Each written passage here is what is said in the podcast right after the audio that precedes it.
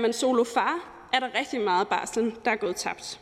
Og så kan soloforældre også bede en nært familiemedlem om at tilbringe de første par uger, hvor baby er helt lille, sammen med dem på, øh, på barsel sammen, øh, i stedet for den forældre, der øh, naturligvis ikke er der, når man er soloforældre. Og så har vi sikret bedre rettigheder til regnbuefamilier. Der er nu mulighed for, at man kan overføre noget af øh, den frie barsel til enten øh, til en tredje eller en fjerde forældre. Det er vi også rigtig, rigtig glade for. Og øh, så er jeg også rigtig glad for den fleksibilitet, vi fik sikret i aftalen. En lille smule øh, det blev meget teknisk i forhandlingerne, og det er også en meget teknisk aftale, men i starten der var det meget fastlåst, hvornår mor skulle tage barslen, og hvornår far skulle tage barslen, og nu er det heldigvis sådan, at det er meget mere fleksibelt, at man i familierne selv kan finde ud af, hvornår i den her periode vil jeg gerne have barsel, og hvornår skal min partner have barsel. Så det er vi rigtig glade for. Men det vigtige er også, at vi holder øje med, jeg kan også læse i høringsvarene, at der er nogen, der er bekymret for, at det ikke vil være sådan, når vi kommer ud i virkeligheden. Og det vigtige er selvfølgelig, at vi holder øje med, at fleksibiliteten eksisterer også øh, ude, på, ude i familierne og ude på arbejdspladserne. Og så er jeg rigtig glad for, at vi har fået skrevet den her evaluering ind i aftalen, sådan så vi holder øje med, hvordan øh, aftalen udvikler sig, hvor mange tager den her barsel, øh, og, øh, og, og hvad betyder det for, for ligestilling og alle mulige andre ting. Så alt i alt en virkelig god aftale, som hvis det havde stået til SF, gerne havde været endnu mere ambitiøs, men øh, altså i det store hele rigtig godt, og SF stemmer selvfølgelig for. Tak til SF's ordfører. Der er ingen korte bemærkninger til ordføreren. Næste ordfører kommer fra det radikale Venstre, og det er fru Samira Nawa. Velkommen. Mange tak. Det har ført meget debat med sig, at vi nu i Danmark skal til at have øremærket barsel til fædre. Men sådan er det åbenbart øh, med opskriften på, hvordan vi får mere og mere ligestilling i Danmark. Det lovforslag, som vi behandler her i dag, det giver mænd og kvinder de samme rettigheder til barselsorlov. Og lad mig bare sige det, det er også kun på tide. Indtil nu så har der været øremærket langt mere overlov til kvinder end til mænd, og det er tiden altså løbet fra. Der er ikke noget, der tilsiger, at mødre skulle være bedre forældre end fædre. Og nu med det her lovforslag, så bliver der øremærket 11 uger barselsoverlov til hver forælder mens resten er til deling. Sådan som det forholder sig i dag, jamen, øh, så fordeler overloven sig i gennemsnit på sådan en vis, at kvinder tager 90 procent af overloven, og øh, mændene tager 10 procent. Og selvom der er langt fra 10 procent op til 50 procent, så kan vi jo læne os op af de nordiske lande, som for længst har ligestillet barselen. Og her er erfaringerne altså, at mange mænd de vil tage mere barsel end i dag. Og det er jo godt, både for far og hans tilknytning til sine helt små børn. Det er godt for børnene og deres trivsel, at også fædrene er aktive i barnets øh, ja, helt tidlige år. Og så er det godt for ligelønnen, hvis der kommer en mere lige fordeling af barslen. Fordi sådan som det er i dag, så ser det ud til, at kvinder mister 10 procent af deres livstidsindkomst per barn, mens at mænd ikke mærker på lønnen, når der kommer nye familiemedlemmer til så skaber den her lov jo også et kæmpe fremskridt for LGBT plus familier og for soloforældre. I Radikale Venstre der vil vi da gerne gået længere. Vi vil for eksempel gerne have anerkendt medfædre igennem det her lovforslag. Det må vi så tage særskilt med et borgerforslag. Vi havde også gerne set, at de her muligheder for ligestilling også havde været gældende for selvstændige og for ledige, og så havde vi sådan set også gerne øremærket en større del af barslen, end øh, det er tilfældet. Men alting øh, tilsyneladende til øh, sin tid, selvom for os havde det egentlig været tid nu. Øh, I dag vil jeg nøjes med at glæde sig over det her historiske fremskridt, som vi i Radikale Venstre har kæmpet for længe, og derfor bakker vi naturligvis også op om lovforslaget. Tak. Tak til ordføreren. Der er ikke nogen korte bemærkninger til ordføreren. Næste ordfører kommer fra Enhedslisten, og det er fru Pernille Skipper.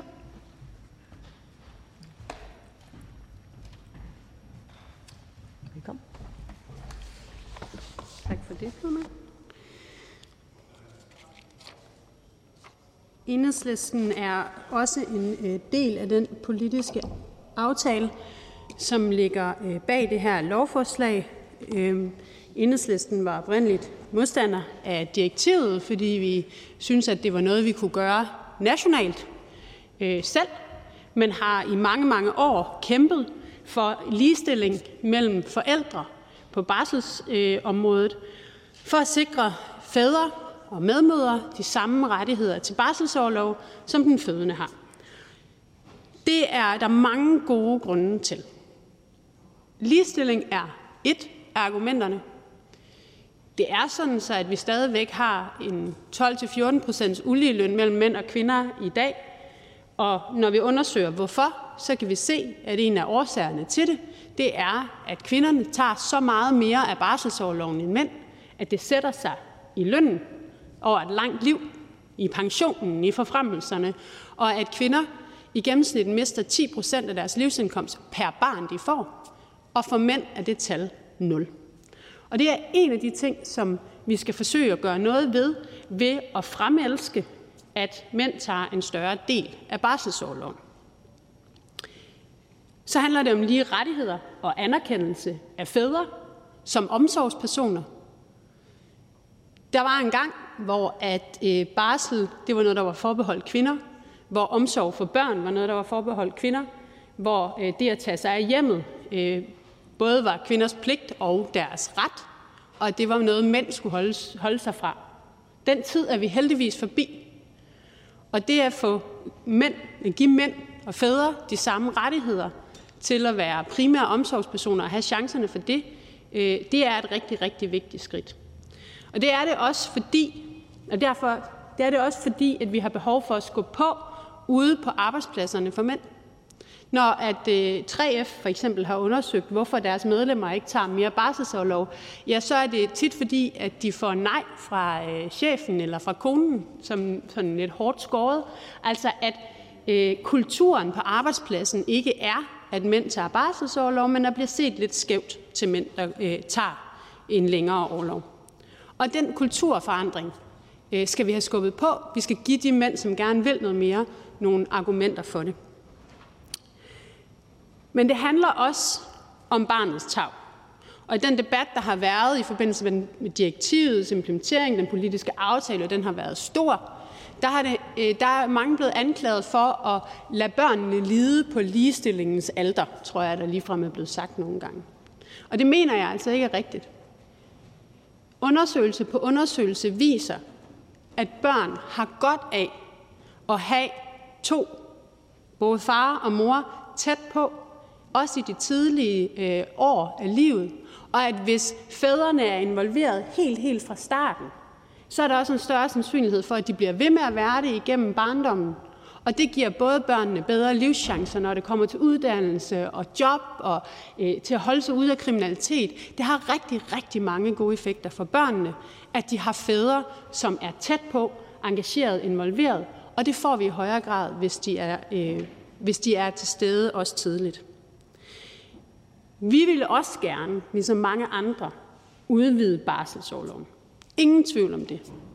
Men det her det handler altså om at skubbe på af mange gode grunde, som sagt, til at fædre tager en større andel. Og pengene var der ikke til at udvide den her gang. Derudover så har vi også, øh, kommer vi også til nu at sikre, at LGBT plus familier får nogle bedre muligheder for at være flere, der deles om barslen, end kun de to forældre. Øh, og vi sørger for, at soloforældre får nogle bedre forhold også. Det synes jeg er rigtig vigtigt og et skridt i moderniseringen af vores barselslovgivning. Ja. Tak til enhedslistens ordfører. Der er ikke nogen korte bemærkninger til ordføreren. Næste ordfører kommer fra det konservative Folkeparti. Og det er så fint netop lige at gøre klar til næste. Mange tak.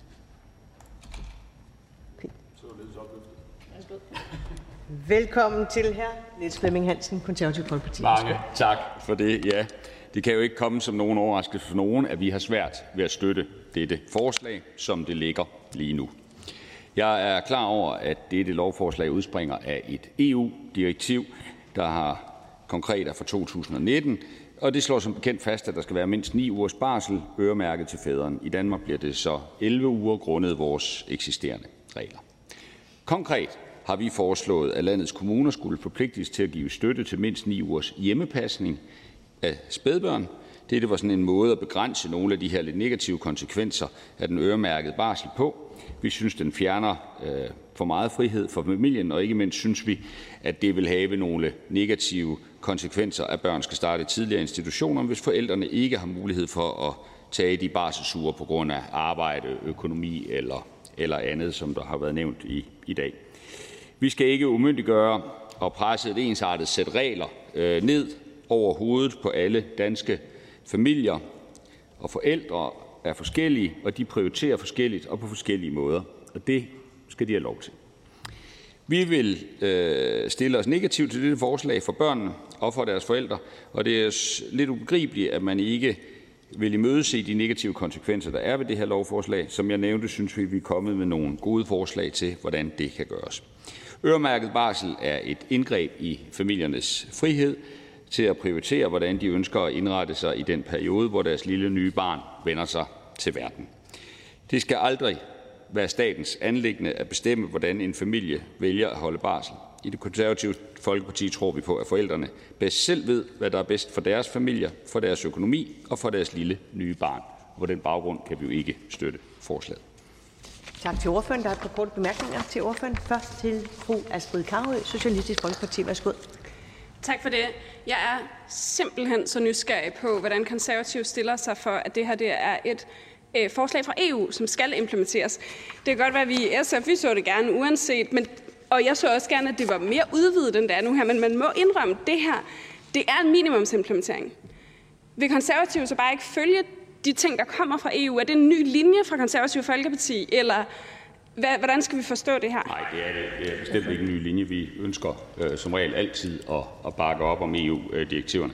Vi synes måske bare, at det her det er øh, meget, meget groft. Vi synes, det er meget groft i forhold til, at øh, borgere fra andre EU-lande kan komme her og, og holde deres barsel og sende øh, og for deres familier, som, som bor i, øh, i udlandet. Og vi synes, at øh, det her med, at vi på grund af, at vi har to uger i forvejen, så bliver ni uger lige pludselig til 11 uger. Fru Astrid Karhøj. Nå, men de to uger kommer jo også fra EU. Altså, så det her, det er en minimumsimplementering. Så meget som SF nu gerne havde set, at det var mere, så må man bare indrømme, at det her, det er en minimumsimplementering. Og derfor så kan man, jeg har meget EU-politik, jeg er uenig i, men, men altså, vi bliver jo nødt til at implementere det i Folketinget. Så det jeg egentlig godt kunne tænke mig at spørge ordføreren om, det er, vil man så afskaffe det her, hvis man på et tidspunkt kommer i regering? Eller, øh, og i så fald, hvordan forestiller man sig, at man så skal leve op til det her EU-direktiv? Øh, altså, det er nødt til at sige den sidste del af spørgsmålet. Det kan jeg simpelthen ikke svare på, fordi det er ikke noget, vi har vendt øh, på vores øh, gruppe på nuværende tidspunkt. Så, så, så det må jeg være der svar skyldig.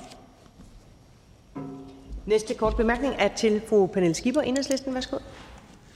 Jeg, jeg er lidt nysgerrig i samme retning. Fordi hvis det her det er så vanvittigt, at konservative er villige til ikke at implementere et EU-direktiv med alt det, der er konsekvenser øh, for det, hvilket ellers plejer virkelig at være konservatives øh, linje, øh, og det er en umyndiggørelse, og øh, det aldrig må være op til staten, eller det, staten må aldrig nogensinde gribe ind i øh, familiers frihed på den måde, så forstår jeg bare ikke, hvor at de mange forslag fra konservative til at afskaffe de 14 ugers øremærkning til kvinderne, der har eksisteret i er det 15 år eller sådan noget. 2002 hvor, hvor, hvor, hvor blev de af? Hvor, hvor har vi set konservative bekæmpe det kæmpe indgreb, der har været i familiernes frihed, da man, når man i dag jo har øremærket mere end ni uger til kvinderne?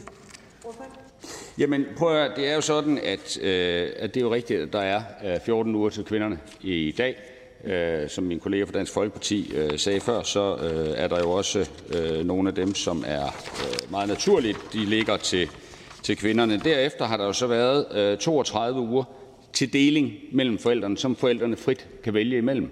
Øh, og og, øh, og det, det skal de jo sådan set have lov til, og det, det så vi egentlig bare gerne fik lov at fortsætte. Fru Pernille Skipper. Det, det giver ingen mening i forhold til, at jeg spurgte om. Altså undskyld. Der er i dag 14 uger øremærket til kvinder, Til mor, ja. to uger til mændene. Tager man dem ikke som familie, så bortfalder de. Altså hvis kvinden ikke vil, kan, er selvstændig, det sker, vil jeg bare sige, Jeg ved det. at det kan man ikke, så bortfalder de. Så kan faren ikke få lov til at tage dem.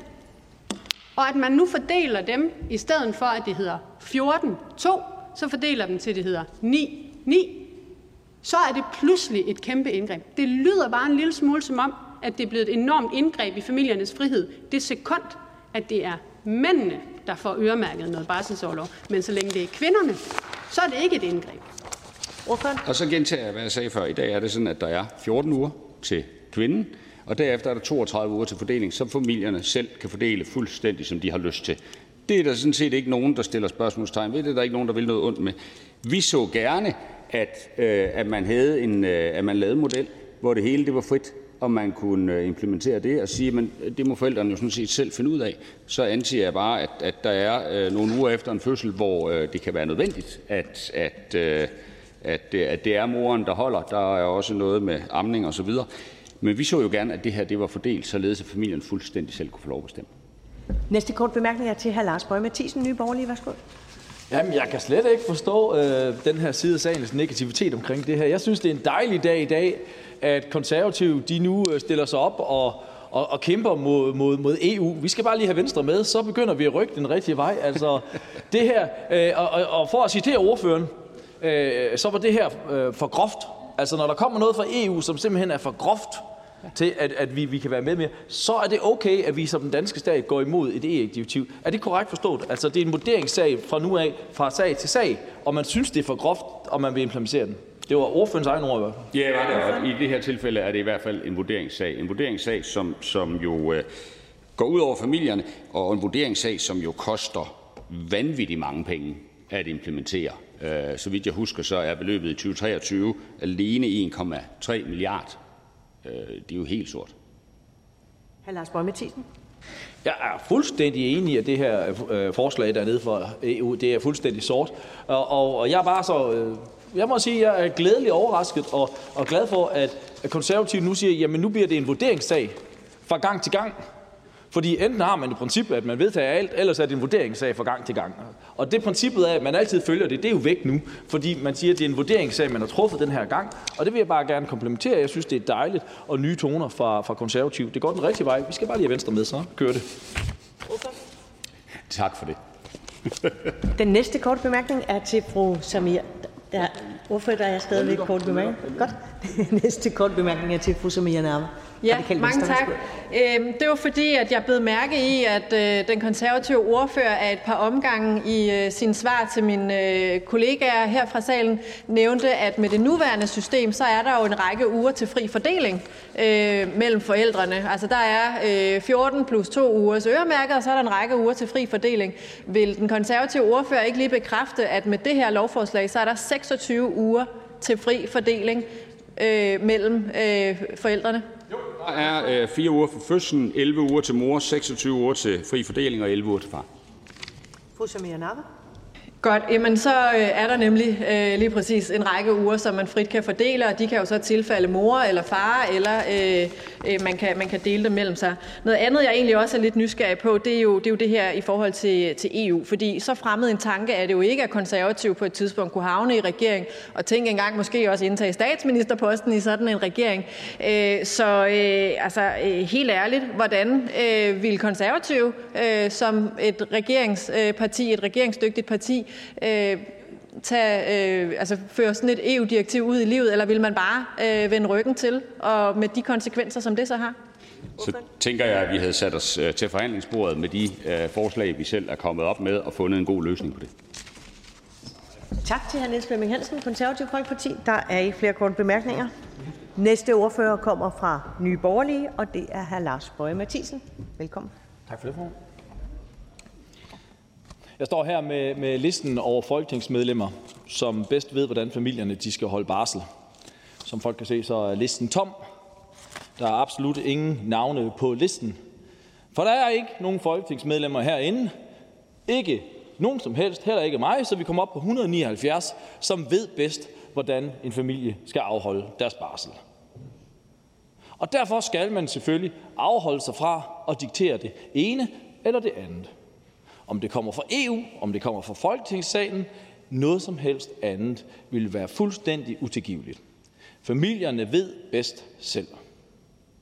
Og den eneste måde og den rigtige måde at lave barsel på, det er, at man laver en ramme til det, Det er det, vi, vi siger, der skal være barsel, og så lader vi familierne selv udfylde det. Om det skal være mor, om det skal være far, om det skal være bedstemor eller bedstefar, eller hvem ellers i familien, de synes, der er de rette til at løse den opgave, så familiernes liv kan hænge sammen. Se, det vil være moderne familiepolitik. Det vil være at rykke familiepolitikken hen til 2022. Men forestillingen om, at kvoter, hvor politikerne skal bestemme, hvordan familierne skal indrette sig, at det skulle være et udtryk for en moderne familiepolitik, aldrig nogensinde. Og så vil man til med putte sådan et prædikat om, jamen det er godt for ligestillingen. Kvoter har aldrig nogensinde været godt for ligestillingen. Og det kommer aldrig til at virke. Så det her forslag, mere tvang, mindre selvbestemmelse til familierne, og derfor kan vi selvfølgelig ikke støtte det i Nyborgen. Tak til ordføreren. Der er ingen kort bemærkninger til ordføreren, og således ser jeg ikke flere ordfører i salen, der ønsker at sige noget til denne debat, og hermed kan jeg give ordet til beskæftigelsesministeren.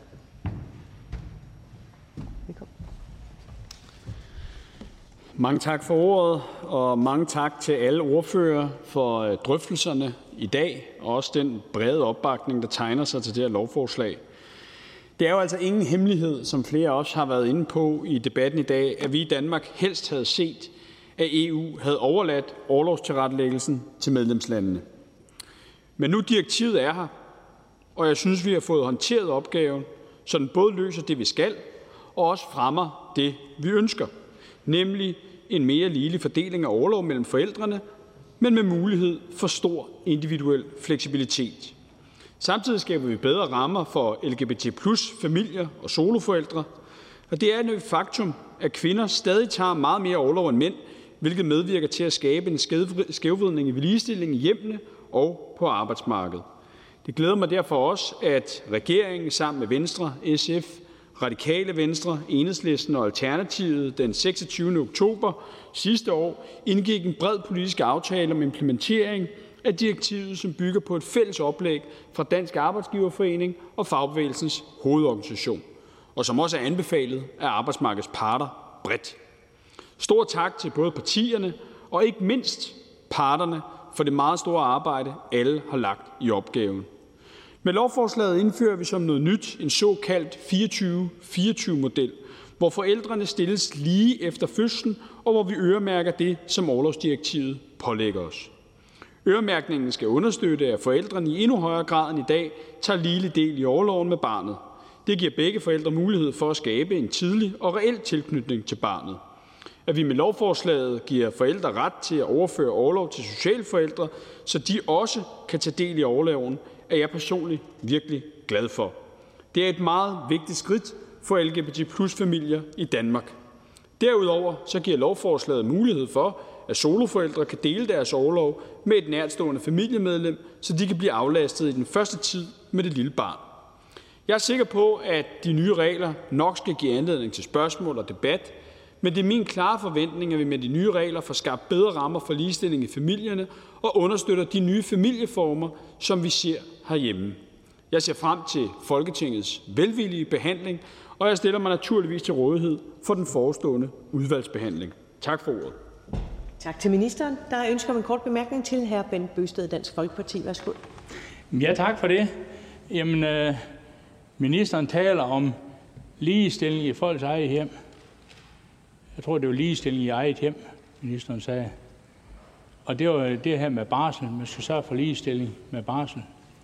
Det næste bliver det så, at ministeren mener, at regeringen vil øh, tale om ligestilling om, hvem der skal tage opvasken, hvem der skal gøre rent, eller hvem der skal støvsuge eller, eller slå græsplænen. Fordi ligestilling i eget hjem, det er vel familien, der er bedst til at finde ud af, hvordan fordelingen i eget hjem skal være, og dermed også øh, gælder det også barselsårlov. Men det er bare sådan lidt, øh, jeg synes, det er sådan mærkeligt, når man taler om ligestilling i eget hjem. Ministeren kan lige så godt sige, at vi har fået et direktiv om, at man skal fordele barsel mellem mand og kvinde på den her måde her. Og så kan ministeren sige, at det er vi imod, men vi er nødt til at indordne os under EU-reglerne. Det havde lyttet øh, bedre, det var bedre. Men ministeren taler om ligestilling i folks eget hjem. Det må da vel familien selv, der kan afgøre, hvem der skal gøre hvad i hjemme. Minister? Jeg vil starte med at sige, at vi har ingen konkrete planer om at blande os i, hvem der tager opvasken, eller hvem der slår græsplænen. Jeg tror generelt, sådan er, tror jeg, udviklingen også, at, øh, at langt de fleste familier opdager, at man også har et mere harmonisk parforhold, hvis der er en eller anden form for fordeling af det. Men det har jeg altså ikke tænkt mig at øh, blande mig i. Det er bare sagt med egen, øh, øh, egen erfaring i hvert fald. Øh, men det er klart, det skal vi ikke lovgive om. Men her Bent Bøsted har jo ret. Det, det er regeringens position. Det var Socialdemokratiets position, også da vi var i opposition og gav den daværende regering opbakning til forhandlingsmandatet, at vi mener, at arbejdsmarkedets parter selv skulle løse det her. Det var så et slag, vi tabte i EU, og nu er direktivet her. Og der fra, fra det tidspunkt har vi jo haft den indgangsvinkel, at så kan vi lige så godt få det bedste ud af det. Hr. Bent Bøsted. Jamen, jeg er egentlig glad for, at ministeren siger, at jeg har ret. Fordi øh, ministeren har adskillige gange fra talerstolen sagt, jamen her Ben Bøsted har jeg ret. Men det er ikke den måde, vi arbejder på herinde i Folketinget. Vi gør som vi selv vil. Men øh, her Ben Bøsted har ret. Øh, jeg har efterhånden fundet ud af, at, at når jeg har ret, så agerer ministeren regeringen direkte modsat. Men det lærer jeg at leve med. Det har jeg ikke lært at leve med i lang tid her. Så det, det går nok. Men så ved jeg, at hver eneste gang ministeren har sagt, at her Ben Bøsted har ret, så har ministeren klokke i det. Ministeren? Jamen, jeg, jeg, jeg tror, du kan betragte det, øh, som du vil. Jeg mener, der er mange sager, hvor hr. Ben Bøsted har ret, og øh, hr. Ben Bøsted har også vist sig at have stor indflydelse både på den her regering og i det hele taget i al den tid, at hr. Bent Bøsted har siddet som medlem af Folketinget. Men vi synes jo, at når nu direktivet er her, så kan vi lige så godt også godt benytte muligheden for at lave en, en ordning, som giver mest mulig frihed for familierne inden for de rammer direktivet, de giver, og at det så samtidig også har, tror og håber vi, den indvirkning, at mor og far begge vil få mere tid sammen med barnet. Næste kort bemærkning er til hr. Lars Bøge Mathisen, Nye Borgerlige. Værsgo. Jamen, det er det. Øhm, nu fandt vi tidligere ud af, at der var, øh, der var en grænse for konservative omkring, hvilke ting, der kommer fra EU, som man vil implementere. Og så bliver jeg nysgerrig. Er der også en grænse for Socialdemokratiet? Kan der komme noget fra EU, et direktiv eller noget andet, som, så, hvor, hvor Socialdemokratiet siger, nej, ikke på vores vagt. Det vil vi simpelthen ikke byde danskerne hertil og ikke længere. Eller vil man altid implementere det, der kom, ligegyldigt hvilket slag det må så må være. Nu siger øh, ministeren selv, at man har tabt det her slag. Så, så hvis man, kan man forestille sig, at der kunne være et slag, hvor man siger, at man har taber det, og siger, nej, det her det vil vi simpelthen ikke være med til alligevel? Jamen altså, øh, som hr. Lars Bøge Mathisen sikkert også har bemærket, altså vi er jo ikke bange for at tage slagsmål om lovgivningen i EU. Heller ikke, når det er, vi ved, at vi er et, øh, et, øh, et mindretal på forhånd. Og det er klart, kommer der lovgivning, det har vi jo allerede set, nogle gange rejser Danmark jo også sager ved, ved domstolen. Vi kommer heller ikke til på forhånd at afskrive muligheden for eksempelvis at indlede et annullationssøgsmål, hvis der er, der kommer et mindstelønsdirektiv, som for alvor underminerer den måde, der forhandles lønninger på på det danske arbejdsmarked. Bare for at give et konkret eksempel. Men du kommer ikke til at se Socialdemokratiet, hverken i regering eller i opposition, stille sig op, efter der er vedtaget et direktiv, og så sige, jamen det vil vi ikke vedstå det ansvar at implementere det. Så må vi jo tage den slagende gang, og så må vi jo forsøge at anlægge et annullationssøgsmål eller lignende. Vi må bygge de alliancer, der kan bygges mellem lande, så vi for alvor kan, kan få det lavet om. Men, men øh, du kommer ikke til at se Socialdemokratiet indtage den position, som vi hørte konservative, synes jeg, øh, ret glat indtage før. Hr. Lars Bøge Mathisen. Mm, hvad er årsagen til, at man ikke har indtaget den position så ved det her direktiv? Og måske øh, lægge sagen? Altså, jeg går ud fra, at det er en vurdering, man så har truffet. Det vil vi ikke gøre på den her sag, når man kan træffe vurderingen. Man godt måske vil gøre det, når det kommer til minimumsløn. Hvad har bevæggrundene Hvad er, at man så ikke vil gøre det på det her? Synes man ikke, at det var vigtigt nok? Minister? Og den helt klare forskel er, at der er ikke noget hverken traktatstridigt øh, eller hjemmelstridigt ved overlovsdirektivet. Vi kan have nogle i Danmark politiske årsager til, at vi ikke synes, at EU skulle lægge rammerne for det, fordi vi har en, en anden måde at aftale både løn og overlov og alt muligt andet herhjemme. Det, der så trods alt er positivt oven på direktivet, det er jo, at arbejdsmarkedets parter er fundet sammen, synes jeg egentlig om en rigtig god og balanceret løsning, som gør, at vi nu i Folketinget på ryggen af det kan implementere det her med alle balancer intakt. Tak til ministeren. Der er ikke flere korte bemærkninger til ministeren, og da der ikke er flere, der har bedt om ordet, så er forhandlingen sluttet. Jeg foreslår, at lovforslaget henvises til Beskæftigelsesudvalget, og hvis ingen gør indsigelse, så betragter jeg det som vedtaget. Det er vedtaget. Det sidste punkt på dagens dagsorden det er punkt nummer 8, første behandling af lovforslag nummer L 107. Det er forslag til lov om ændring af lov om et midlertidigt børnetilskud til visse forsørgere. Af beskæftigelsesministeren. Forhandlingen er åbnet. Første ordfører kommer fra Socialdemokratiet. Velkommen til hr. Henrik Møller.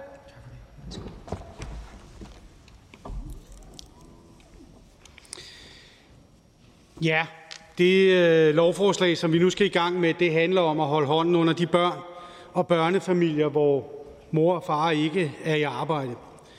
Men inden jeg vil begrunde Socialdemokratiets opbakning til lovforslaget, så lad mig lige starte et andet sted. Fordi som øh, det i hvert fald forhåbentlig er alle bekendt nu her, så går det faktisk rigtig godt med beskæftigelsen i Danmark. Rekordmange mennesker de er en del af arbejdsmarkedet, de står op, og de bidrager til fællesskabet, og det er sådan set rigtig, rigtig godt. Så for at der ikke skal have nogen tvivl om, at vi som socialdemokrater mener, at det er bedst, det bedste for alle børn, det er at se både mor og far stå op og gå på arbejde. Det er sådan set det, vi stræber efter.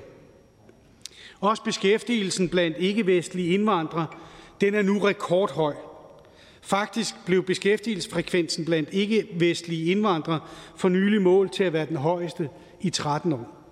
Det er rigtig positivt, og vi skal blive ved med at kæmpe for, at vi får de aller sidste med på vognen. Det gavner samfundet, men det gavner også den enkelte og den enkeltes familie. Men selvom beskæftigelsen er høj, og rigtig mange er blevet løftet fra kontanthjælp til selvforsørgelse, så mangler vi stadigvæk at få de sidste med. Og dem må vi ikke glemme. Og vigtigst af alt, så må vi ikke glemme børnene.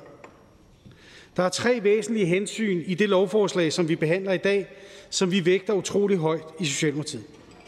Det ene det handler om, at der altid skal være en gevinst ved at tage et arbejde. Det andet det handler om, at vi ikke må øge tilstrømningen til Danmark gennem høje ydelser. Og det tredje handler om, at det aldrig må være børnene, der betaler prisen for, at mor eller far ikke er i arbejde. Derfor så indgik vi tilbage i efteråret en aftale om et midlertidigt børnetilskud. Formålet med det midlertidige børnetilskud, det var at sikre børnene nogle rimelige vilkår og lige muligheder for at være en del af fællesskabet.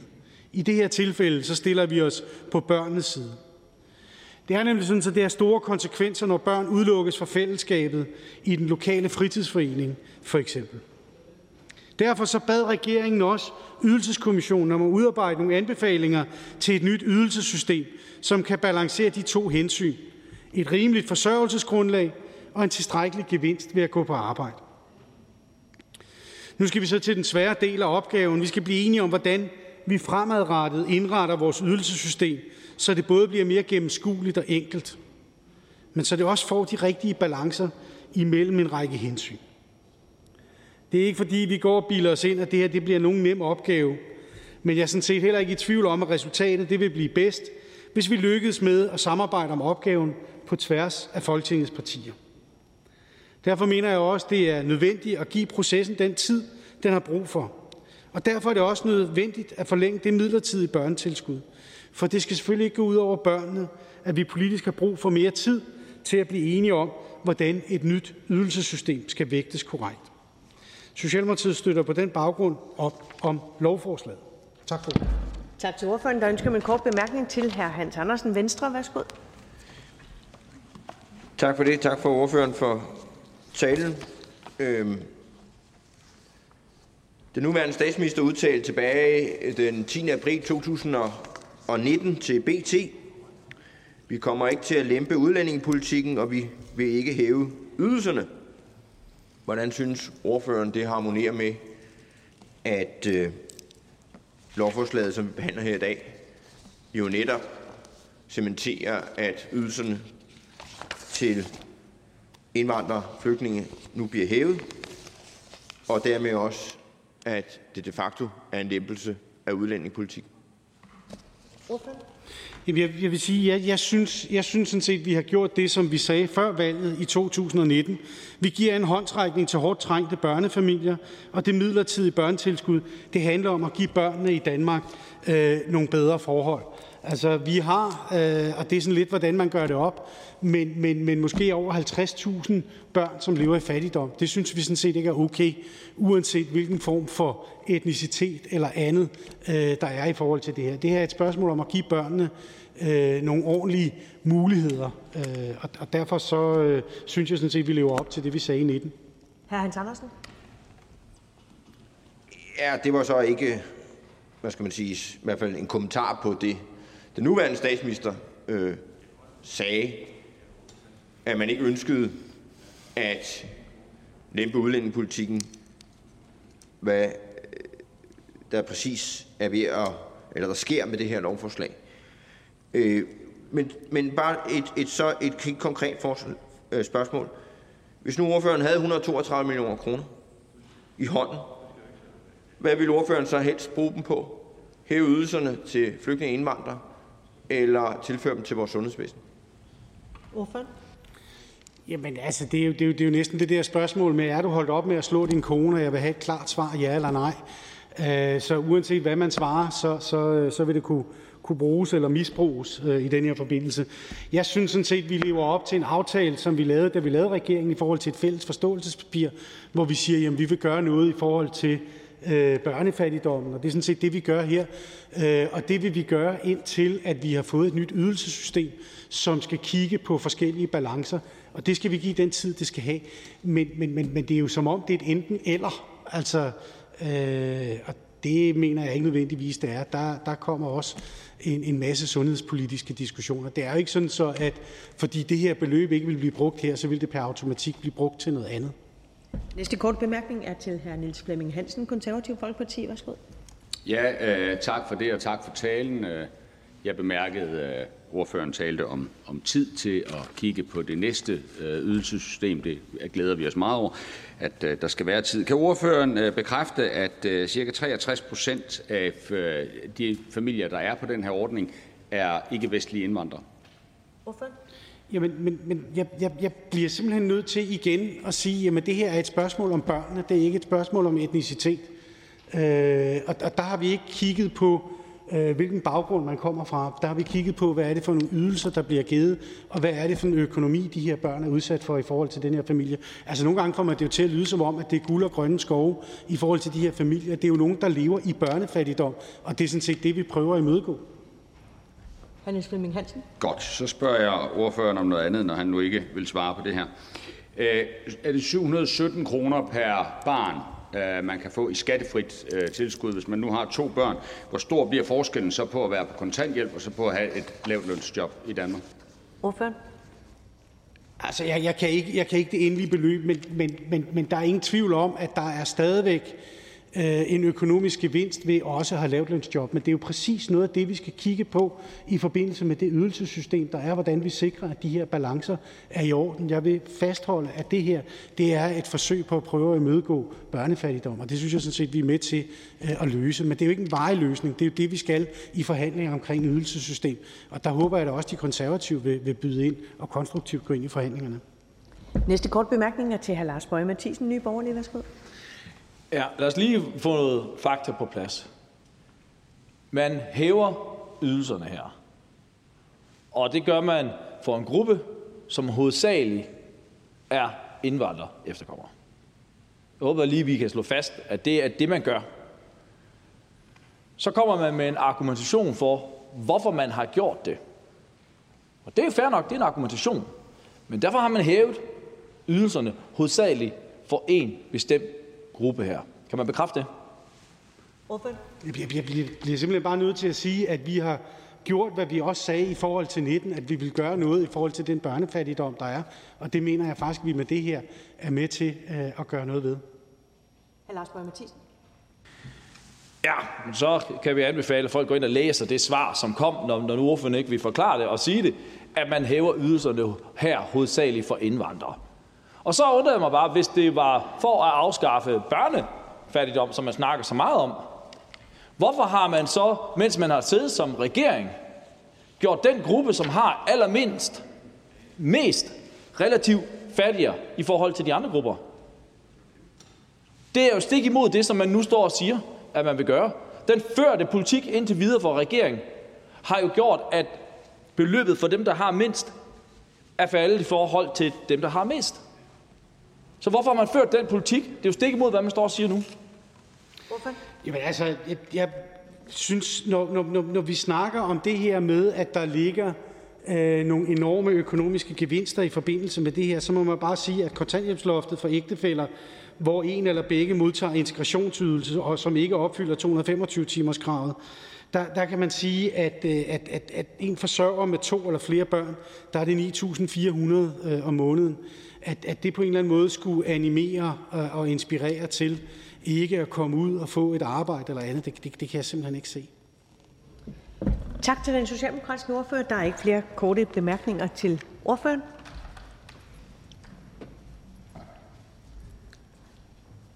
Mange tak. Næste ordfører kommer fra Venstre, og det er hr. Hans Andersen. Velkommen.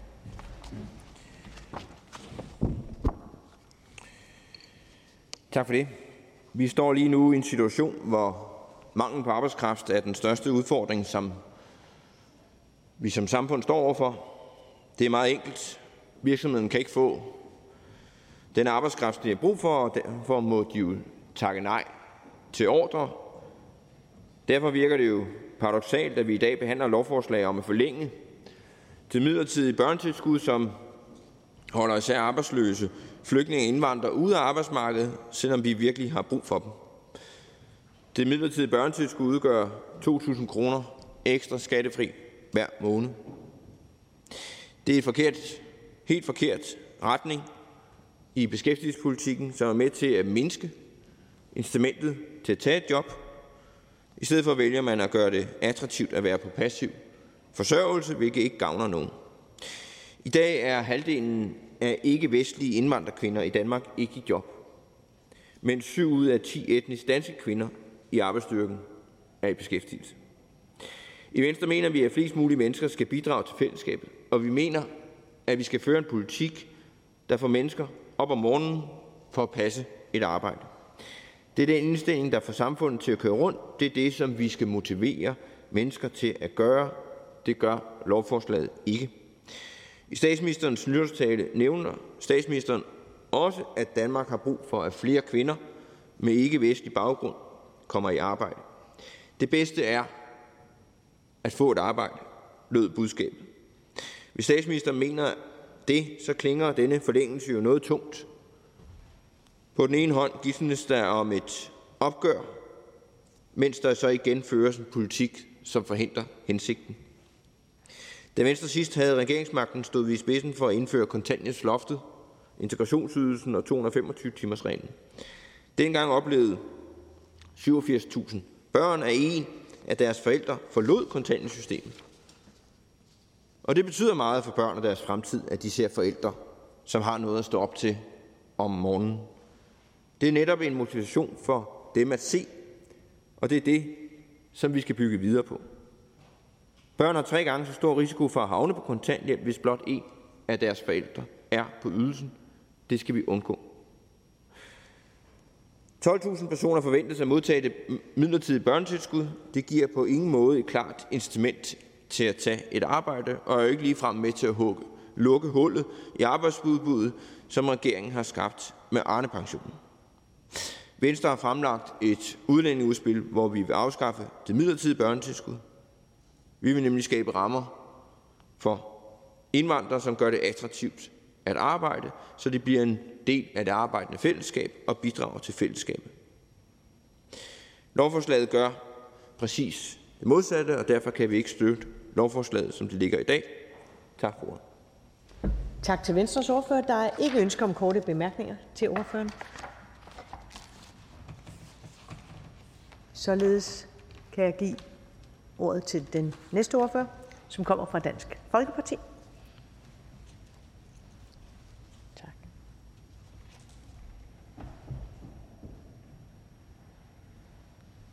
Velkommen til hr. Bent Bøsted. Tak for det. Det er altid dejligt, når nogen sætter pris på, at man går på talerstolen. Så tak til formanden. Det her lovforslag kan Dansk Folkeparti ikke støtte. Da det blev lavet i sin tid, som jeg har forstået det, så var det i forbindelse med at det her specielle forståelsespapir, hvor regeringen lovede, jeg tror det var enhedslisten, måske et parti eller to mere, det er jeg ikke lige klar det kan jeg ikke lige huske, men man lovede, at øh, den her ydelseskommission skulle nedsættes, og i den forbindelse, så indtil ydelseskommissionen så kom med resultat, så aftalte man, at man skulle hæve ydelsen til kontanthjælpsmodtagere og hjemsendelsesydelsesmodtagere, selvforsørgelse og overgangsydelse, som hovedsageligt er indvandrere, der egentlig skulle sendes hjem. Det lovede man dengang. Så blev ydelseskommissionen udskudt, og så skal man have forlænget den her aftale, fordi de har fået for lidt penge. Samtidig så har regeringen så barslet med en 37 timers aktiveringsordning, hvor de samme personer, som får den her ydelse, skulle ud i aktivering. Og der slog regeringen hårdt fast, at hvis ikke man mødte op, så mister man sin ydelse. Så er det nærliggende spørgsmål jo så, om hvis det var sådan, at regeringen fik de 37 timer igennem, det ved jeg ikke, om de gør. Dansk Folkeparti er i hvert fald ikke med. Hvis de så fik det igennem, og de mister ydelsen, ville man så komme med en ekstra hævelse af ydelserne for at tilgodese dem, der så mister noget penge, fordi de ikke mødte op til den aktivering, de skulle. Det kan man altid begynde at, at tænke over. Nu løber den her til, hen, øh, til forår, så regner man med, at man nok har kommet med en ydelseskommission, hvor man kan se på ydelserne. Men hvad sker der så, hvis nu at ydelseskommissionen kommer med en øh, forslag om, at ydelsen som, som ikke skal hæves? Vil man så stå i en situation, at så er nogen, der siger, at så må vi forhøje øh, de børnepenge igen, børneydelsen igen. Det er det, man, vi ikke ved. Det er så uafklaret. Man skubber bare det fremad, i stedet for, som øh, der har været, at man skal sørge for at få de her personer ud og arbejde. Der er nogle af dem her, de skal slet ikke være i Danmark. De skal måske hjemsendes. Der er måske nogen, der skal ud og have et arbejde i stedet for at bare have hævet ydelserne. Der er der godt nok også mange andre familier, der ikke er det her, der gerne ville have haft noget, noget højere øh, børneydelse. Der laver man en stor forskelsbehandling, men det var for at tilgodese sine aftalepartnere i den her forbindelse, så for at få fred og ro, indtil ydelseskommissionen kom, så hæver man den her sats. Og det kan Dansk Folkeparti selvfølgelig ikke øh, være med til, fordi det er at gå den helt gal øh, vej i den forbindelse. Så Dansk Folkeparti siger selvfølgelig nej til det her forslag. Tak til Dansk Folkepartis ordfører. Der er ikke nogen korte bemærkninger, så vi fortsætter med ordføreren fra Socialistisk Folkeparti. Hr. Carsten Hønge, værsgo. Ja, så må vi jo til det igen igen. Altså endnu en gang forlænge det midlertidige børnetilskud, som jo egentlig blot var et forløbigt plaster på det forståelsespapir, som støttepartierne aftalte med regeringen. Det var tilbage i august-september 19, at vi så aftalte, at det midlertidige ekstraordinære børnetilskud skulle træde ind, i stedet for at den egentlige aftale omkring et nyt ydelsessystem. Jeg synes ikke, det har været overdrevet elegant. Den måde, som vi nu igen skal behandle det samme lovforslag på, ved igen at udskyde det, men det er så det, vi har foran os. Og SF's mål er til gengæld fortsat fuldstændig det samme, nemlig at rive loftet over kontanthjælpen ned, at lægge en øh, ambitiøs plan for, hvordan vi mærkbart og målbart får færre fattige børn i Danmark, at vi tilfører systemet flere penge, og at vi skaber et mere enkelt og gennemskueligt system for de samlede offentlige ydelser. Og det er godt at se på det samlede system med ydelser og på, hvordan de indbyrdes spiller sammen. Men det er altså svært at vente på, at forhandlingerne ender med et resultat. Men det er da helt umuligt at vente på for børn i fattige familier. Det er nødvendigt at skærme børnene så godt som muligt i ventetiden, og derfor er det jo godt, at vi i dag forlænger det midlertidige ekstraordinære børnetilskud. Tak for det. Der er ikke nogen kort bemærkninger til hr. Carsten Hønge.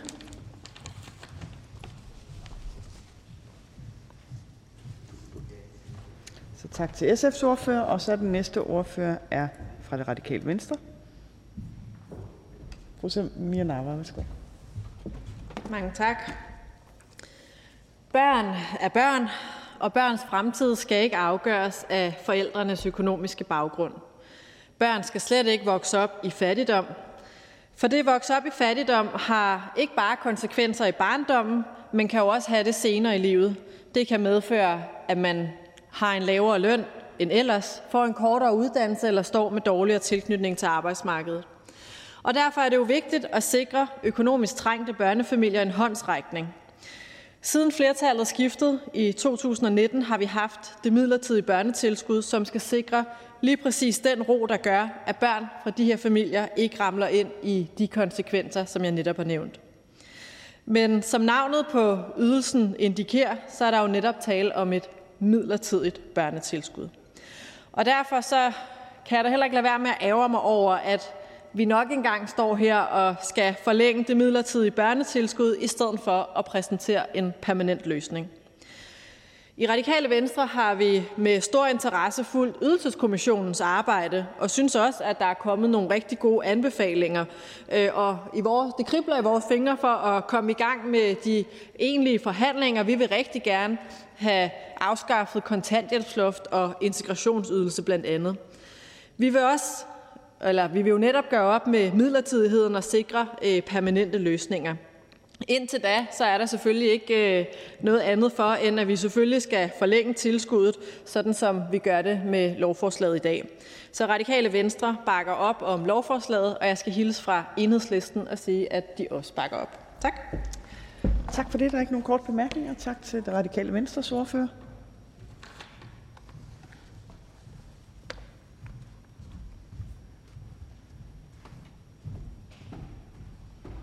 Næste ordfører er hr. Niels Flemming Hansen fra Det Konservative Folkeparti. Værsgo. Mange tak for det. I Det Konservative Folkeparti der har vi jo naturligvis den holdning, at hvis man kan arbejde, så skal man arbejde. Det skal kunne betale sig at arbejde, og ligesom vi sagde sidst, så trækker det her forslag Danmark i en forkert retning. Baggrunden for forslaget ligger jo i papiret En retfærdig retning for Danmark, og jeg synes personligt, at det er dybt uretfærdigt og en hån mod de mennesker, der går på arbejde hver dag, at, øh, at, øh, at, at der er folk, der får flere penge for ikke at lave noget. Dels har børn godt af at se deres forældre gå på arbejde hver dag og bidrage til fællesskabet. Vi står ikke kun i en sundhedskrise, vi står også i en krise på arbejdsmarkedet med danske virksomheder, der virkelig er presset og skriger på arbejdskraft. Og derfor skal vi have alle ud og søge job, og det gør vi ikke ved at hæve eller forlænge de sociale ydelser, og vi synes øh, på alle måder, at forlængelsen er skadelig, og, der, skadelig, og derfor kan vi ikke støtte lovforslaget. Tak for det. Der er en kort bemærkning. Her Carsten Hønge. Vil uh, hr. Flemming Hansen prøve at dokumentere, hvilken sammenhæng der er mellem ydelserne og så det arbejdsudbud, der er? Altså, hvad er det for en dokumentation, øh, de konservative bygger deres politik på? Altså, jeg kan jo bare nævne to konkrete ting. Det er, da man indførte loft over kontanthjælp på en god dag med medvind på cykelstierne og solskin, der kunne man beregne, at 450 mennesker kom i arbejde, så man ramte 30.000 familier. I sidste måned kom der 17.000 mennesker ekstra i arbejde, bare i sidste måned, uden der var indført en eneste reform, der forsurede livet for almindelige mennesker. Så hvad er det for en fantasiverden, hr. Flemming Hansen lever i? Ja, det er jo en meget fantasifuld verden i hvert fald. Det er jo sådan, hr. Carsten Hønge, at, at hvis du giver en familie 2.000 kroner mere om måneden, skattefrit, skattefrit, øh, så skal du jo altså tjene i omegnen af 3500, og så er det bare der, hvor at så kommer ydelsen over, et, øh, over den minimumslønning, der er på markedet. Og derfor er vi jo i en situation, hvor det desværre ikke kan betale sig at arbejde. Hr. Carsten Hønge. Det lyder rigtigt, men det er det jo bare ikke at vi kommer ikke en millimeter nærmere en dokumentation. Det er jo rene fantasier, han Niels Flemming Hansen står og, og, og, og for så vidt spilder Folketingets tid med. Jeg beder om et svar på, man har forsøgt den vej ved markant at nedsætte ydelserne, da man indførte loft over kontanthjælp. Man ramte 30.000 familier, og på en god dag fik det 450 mennesker i arbejde. Altså kan vi blive enige om stort set ingen effekt på arbejdsudbuddet. I sidste måned kom der 17.000 mennesker i arbejde, uden at man har indført forringelser. Så det er jo simpelthen fuldstændig, altså, øh, det, det er uden kontakt med den virkelighed, som Niels Flemming Hansen ellers mener at kunne etablere i forhold til, hvad der er brug for ude på arbejdsmarkedet.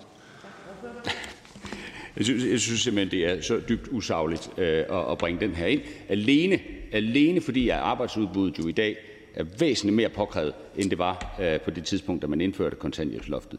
I dag er det jo sådan, at virksomheder de ansætter på livet løs. Der bliver endda ansat folk, som ikke er kvalificeret til de stillinger, bare for at få noget ind.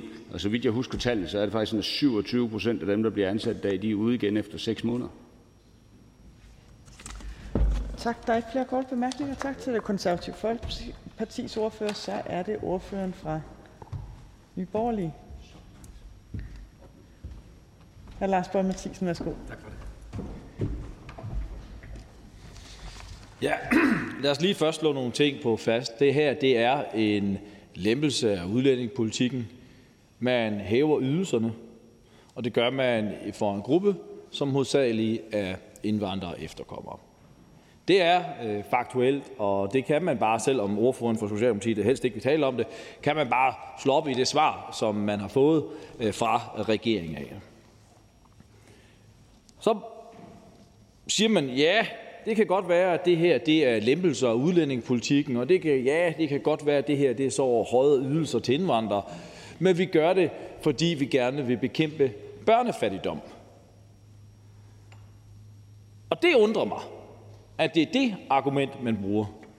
For hvis man kigger på øh, regeringens egen svar, som også er kommet på øh, S-regeringens økonomiske politik fordelt på indkomstdeciler som andel af den disponible indkomst, jamen så er den, øh, da man lavede opgørelsen i 2020, så er den faldet mest for den laveste indkomstdecil.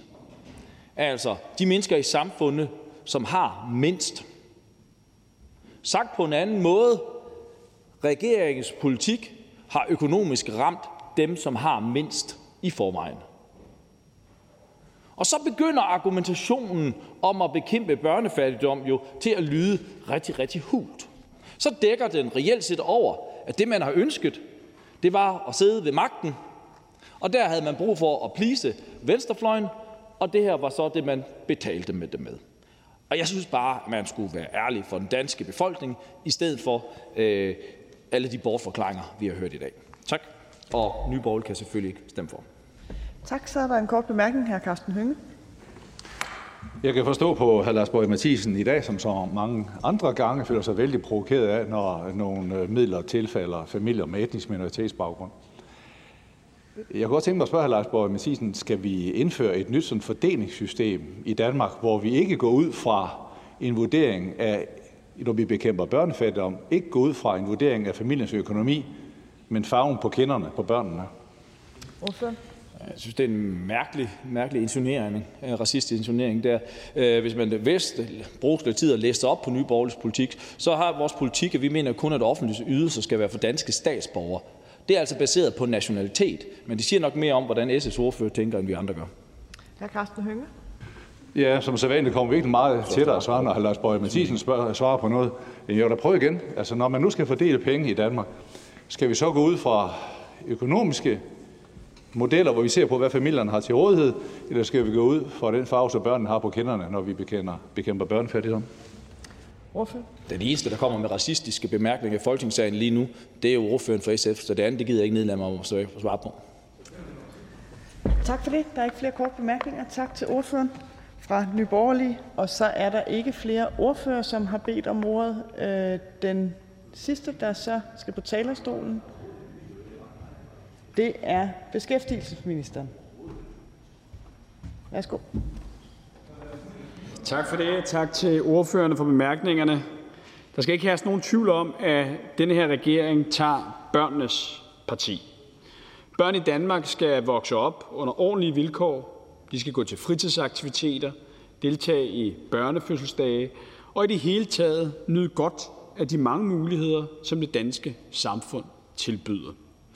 Derfor gav vi Ydelseskommissionen den opgave at komme med anbefalinger til et nyt ydelsessystem, der indeholder en balance mellem et rimeligt forsørgelsesgrundlag og en tilstrækkelig tilskyndelse til at søge arbejde. Samtidig skulle den tage højde for, at børn i Danmark skal vokse op med muligheden for at tage aktivt del i fællesskabet. Regeringen indgik i efteråret 2019 en aftale om et midlertidigt børnetilskud. Det skulle sikre børn rimelige vilkår og lige muligheder for at være en del af fællesskabet indtil Ydelseskommissionen havde fremlagt sine anbefalinger og et nyt ydelsessystem kunne træde i kraft. Nu er regeringen i gang med at følge op på Ydelseskommissionens arbejde. Det er stadig regeringens og min klare ambition at lande en bred og balanceret aftale, så der kan komme ro om kontanthjælpssystemet. Men jeg vil også gerne være helt ærlig og sige, at det er en vanskelig opgave. For det første er kontanthjælpssystemet i sig selv en stor og kompleks størrelse. For det andet tager det tid at arbejde sig hen imod de helt rigtige balancer mellem de mange forskellige hensyn, der skal tages. For på den ene side skal børn vokse op under rimelige forhold, også de børn, hvis forældre ikke har et arbejde. På den anden side skal vores offentlige ydelser jo heller ikke øge tilstrømningen til Danmark. Og samtidig skal der være en klar og tydelig gevinst ved at stå tidligt op og hoppe på cyklen for at tage hen på arbejdet, i stedet for at gå derhjemme på offentlig forsørgelse. Diskussionen om fremtidens ydelser er med andre ord lige så vanskelig, som den er vigtig. Men vi skylder at bruge den tid og de kræfter på arbejdet, som der er behov for. De børn, hvis mor og far på kontanthjælp, fortjener, at vi tager opgaven alvorligt. Og lad mig slå én ting fast. Børnene skal ikke betale prisen, mens vi politikere diskuterer.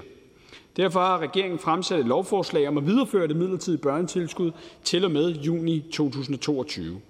En videreførsel af det midlertidige børnetilskud skal holde hånden under de familier, som modtager de laveste ydelser i kontanthjælpssystemet, så de har mulighed for at give deres børn de samme muligheder som deres jævnaldrende kammerater i skole og daginstitutioner. Jeg vil gerne takke for drøftelsen her i dag og ser frem til den videre behandling i udvalget. Tak for det. Og der er ikke nogen korte bemærkninger til beskæftigelsesministeren. Og da der ikke er flere, som har bedt om ordet, så er forhandlingen sluttet. Jeg foreslår, at lovforslaget henvises til beskæftigelsesudvalget. Hvis ingen gør indsigelse, betragter jeg dette som vedtaget. Det er vedtaget. Der er ikke mere foretage i dette møde. Folketingets næste møde afholdes i morgen, onsdag den 26. januar 2022 kl. 13. Jeg henviser til den dagsorden, der vil fremgå af Folketingets hjemmeside. Mødet er hævet.